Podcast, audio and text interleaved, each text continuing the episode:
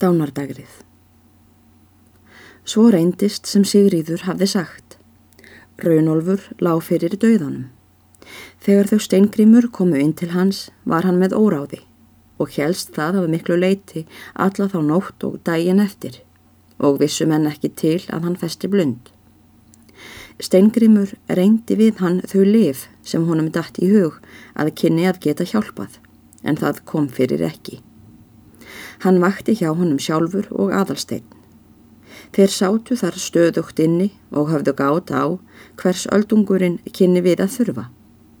Sigriður var og jafnaðarlega á ferli. En er kvöld var komið og hver steingrimur hafðu vakað sólarringin fullan yfir runolfi, þá tók að reyna óráðið og hver hann smám saman bæði ráð og rænu. Hann spyr hverjir sé þar hjá honum og segir steingrimur að þið sanna. Er runolfur þá sár auðmur og berst lít af. Er ekkert fæðinu minn sem þú vildir nú reyna eða sem þú heldur að yrði gert til að lína þessar þjáningar? spurði steingrimur föður sinn blíðlega. Æ nei, svaraði hann og átti þó bátt með að tala. Það er ekki til neins. Mér getur ekki batnað hérðanaf til þessa lífs. Og nú var ekki að hugsa til að Runolfur vildi taka neinn lif svo þungt haldinn sem hann þó var. Eftir miðnættið síndist honum hæja nokkuð. Hann tekur til máls og segir Eru þið þarna? Já, svarar Steingrimur. Er drengurinn líka? spyr Runolfur. Jú, fadur minn, við erum hér báðir, ansar hinn. Æ, segir öldungurinn og hlítur að tala með kvildum. Ég varð of þungorður um daginn. Ég gati ekki þólað að vita til þess að þú ættir barn með þeirri konu og þó, þó hef ég gert mikið ránt í þessu. Mælti öldungurinn og tók nærri sér að tala. Síðan eftir mál kvild hjælt hann áfram og sagði Stein Grimmur, getur þú fyrirgefið mér? Það sem ég hef gert fyrir á móti. Minnstu ekki á það, fadir minn, ansaði Steingrimur. Það er fyrirgefið af hjarta, þó eitthvað hefði verið. Ég þarf öldungis eins að byggja þig fyrirgefningar á mörgu. Jú, svarar sjúklingurinn. Ég sé, ég sé að ég hef verið of, of einþykkur. Ég leit þá öðruvísi á margt en ég geri nú. Æ, mikil aumingi er ég. Vertu hughaustur, fadir minn sagði steingrimur og viknaði. Hver skildi svo vera sem ekki þarf að minnast miskjörða sinna? Við þurfum þess allir með fadir minn til þess að himna fadirinn miskunni okkur. En ég vona til hans að þetta helstrið þitt fái farsalan enda. Já, já, són minn. Ég ætla nú að játa fyrir þér að ég svein í skálholti og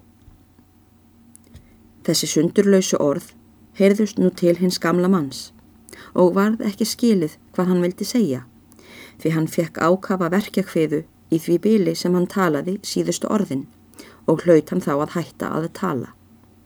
Helstriðið var nú óttalegt um hríð. Steingrimur var mjög alvarlegur á sveipin þegar Runolfur talaði síðustu orðin. Honum skildist að fadir hans myndi ætla að játa yfir sjón nokkra og rendi grunni hver vera myndi. Þegar Runólfi létti aftur, tók hann ekki til orða í bráð. Það var að ráða sem annað hvort hefði hann glemt því umtalsefni sem hann var byrjaður á eða þá ímyndað sér að hann var í búin að ræða þar til fulls. Steingrimur indi hann eigi eftir því er hann hefði viljað segja og leiði nú svo nokkur stund að ekki var talað. Allt í einu rauf sjúklingurinn þögnina og mælti. Ó, steingrimur, þú hefur alltjönd verið mér svo góður. Ósköp langar mig til. Runolfur gati ekki fullkomnað þessa málskrein, fyrir sóttin elnaði honum aftur. Verkirnir þjökuðu hart og hafði öldungurinn ærið erfiði að berjast við döðan. Eftir litla hríð leti honum þó aftur. Vildur þú segja nokkuð, fadir minn, valdi steingrimur. Óskup langar mig til, sagðuru. Runolfur tók þá til orða og mælti.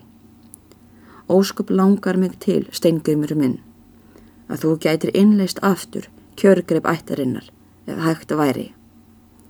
Það verð gert, fæðin minn, eða svo gott, ansaði steingrimur.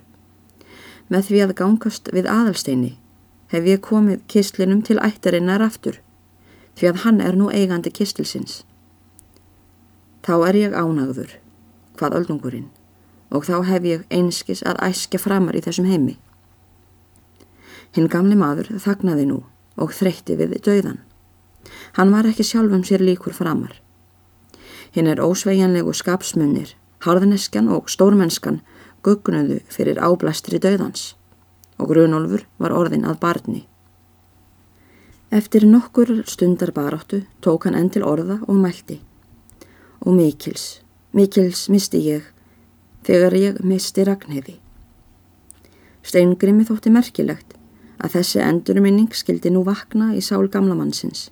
Er búin var að missa konu sína, er einmitt var Ragnheður fyrir 20 árum og hafði ör sjaldan á hana minnst. Já, þú mistir mikils þá, fadir minn, ansætti Steingrimur. Hún var þér svo góð og hendt og kona. Eftir málkvild segir Runolfur aftur. Steingrimur, ég geimi klæði móður þinnar. Þau eru þarna í kistunni, yfir við vekkin. Já, já, fadir minn. Ég byrð þig að taka við þeim og sjá til að svo einn beri sem þessi er makleg, helst af okkar fólki. Ég skal gera það, fadir minn, svaraði Steingrimur. Þau född skulu ekki bórin af neitni ómaklegri, því skal ég lofa þér. Það er minn vilji, en hvað annað snertir? Þá ráðstafið þið bræðurnir öllu, það á enginn hjá mér og ég ekki mikið hjá öðrum. Nú þagnaði Runólfur aftur. Þjáningarnar voru óbærilegar með köplum. Við og við kom á hann óráð og alltaf síndist draga af honum. Endrum okkur sinnum var sem hann vildi tala, en það heyrðist þá ekki eða skildist ekki. Þeir steingrymur gengu ekki út úr húsinu. Þeir sátu á stólum er höfðu verið borðnir inn og satt steingrimur fast við rúmstokkin en aðalsteinn rétt hjá föður sínum. Ljós logaði hjá þeim á borðinu. Nær óttustund syndist Runolfur aftur fá ráð og grænu, en nú var hann mjög að þrótum komin að því sem ráða var. Egi að síður tók hann til máls og sagði, eru þið þarna? Já, fadri minn. Steingrimur minn, segir öldungurinn með veikri rödd. Ég vil taka í hönd sonar þins. Það gleður okkur báða innilega að þú vilt gjöra það, fadri minn svaraði steingrimur blíðlega.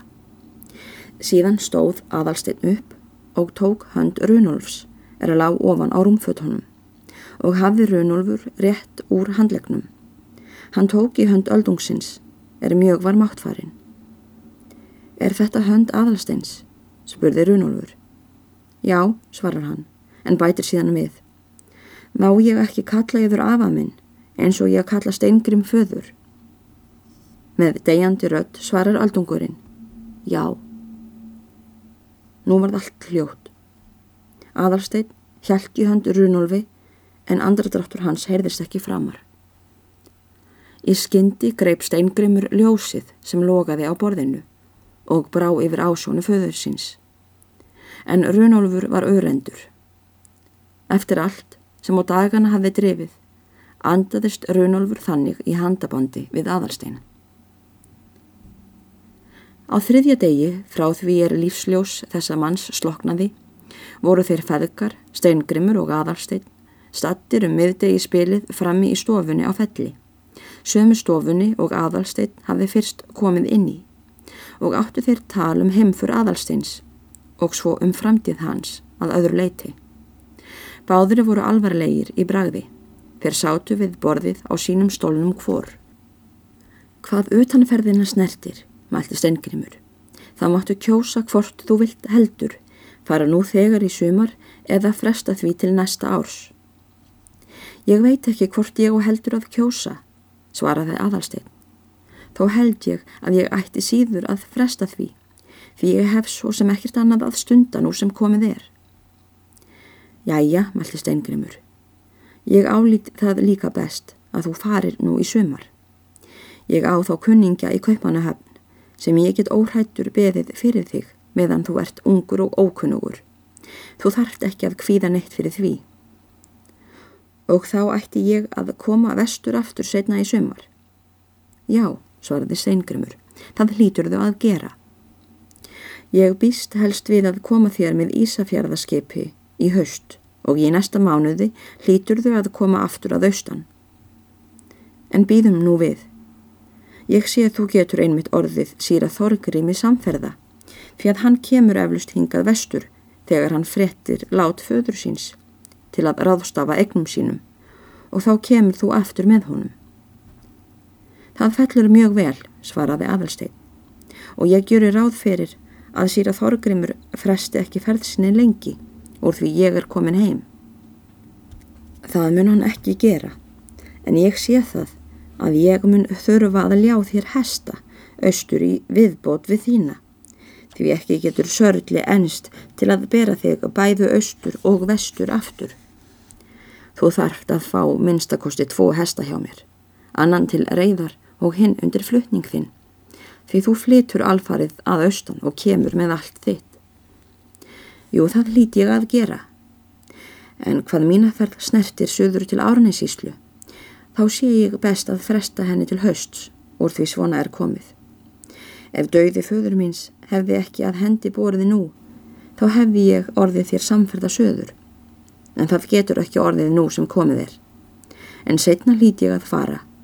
Það má þó ekki minna vera, en að ég þakki biskupinum fyrir meðferðina á þér og greifið hann kostnað sem hann hefur lagt út í skólaþarfið þínar. Reyndar gætum við nú beðið fram yfir jarðaföruna, mælti aðalstein, svo að þú gætir orðið samferða. Nei, það dugir ekki. Það verður of langt þegar svona stendur á og þú þarft að hafa nægan tíma fyrir þér, svaraði Steingrimur. Jæðar fyrir föður míns mun ekki geta farið fram fyrir en eftir tíu eða tólf daga, því það þarf að vara við fjarlæga frændur og guðinni. Já, og svo vil ég að síra Þorgrymur geti haft nægan tíma til að vera komin heim til sín aftur áður en höstveður átt að fyrir að spillast að mun. Þá ættum við líka að leggja upp á morgun. Það sínist mér réttast, ansaði Steingrimur. En ef þið hafið það í hyggju, þá ættir þau að verja þessum degi til að heimsækja einar á innrafelli, en að meðan ætti ég að skrifa þorgrými. Það er lang best, svaraði aðalstein. Nú stóðu báður upp og bjóst aðalstein til að ganga inn að felli en steingrimur tók reytfung sín. Skal ekki síra Þorgrimi bregða við þegar hann les brefið frá mér í þetta sinn, mælti steingrimur. Því að jafnframt því sem ég skrifa honum um andlát föður okkar, þá ætla ég að segja honum frá hvernig mér bættist ástvinnur í stað ástvinnar, sonur í stað föður. Það er ekki ólíklegt að honum bregði svaraði aðarstein. Ekki síst þegar hann frettir að ég er þessi sonur sem þér bættist. Ég, gamli aðarsteit Svensson, sem nú á að vera að ríða millir blessaðara frændan á austfjörðum. Og brostu nú aðarsteit við er hann mælti þetta. Að svo mæltu gekk hann út úr stofunni en Steingrimur var eftir og tók að rita brefið til bróður síns.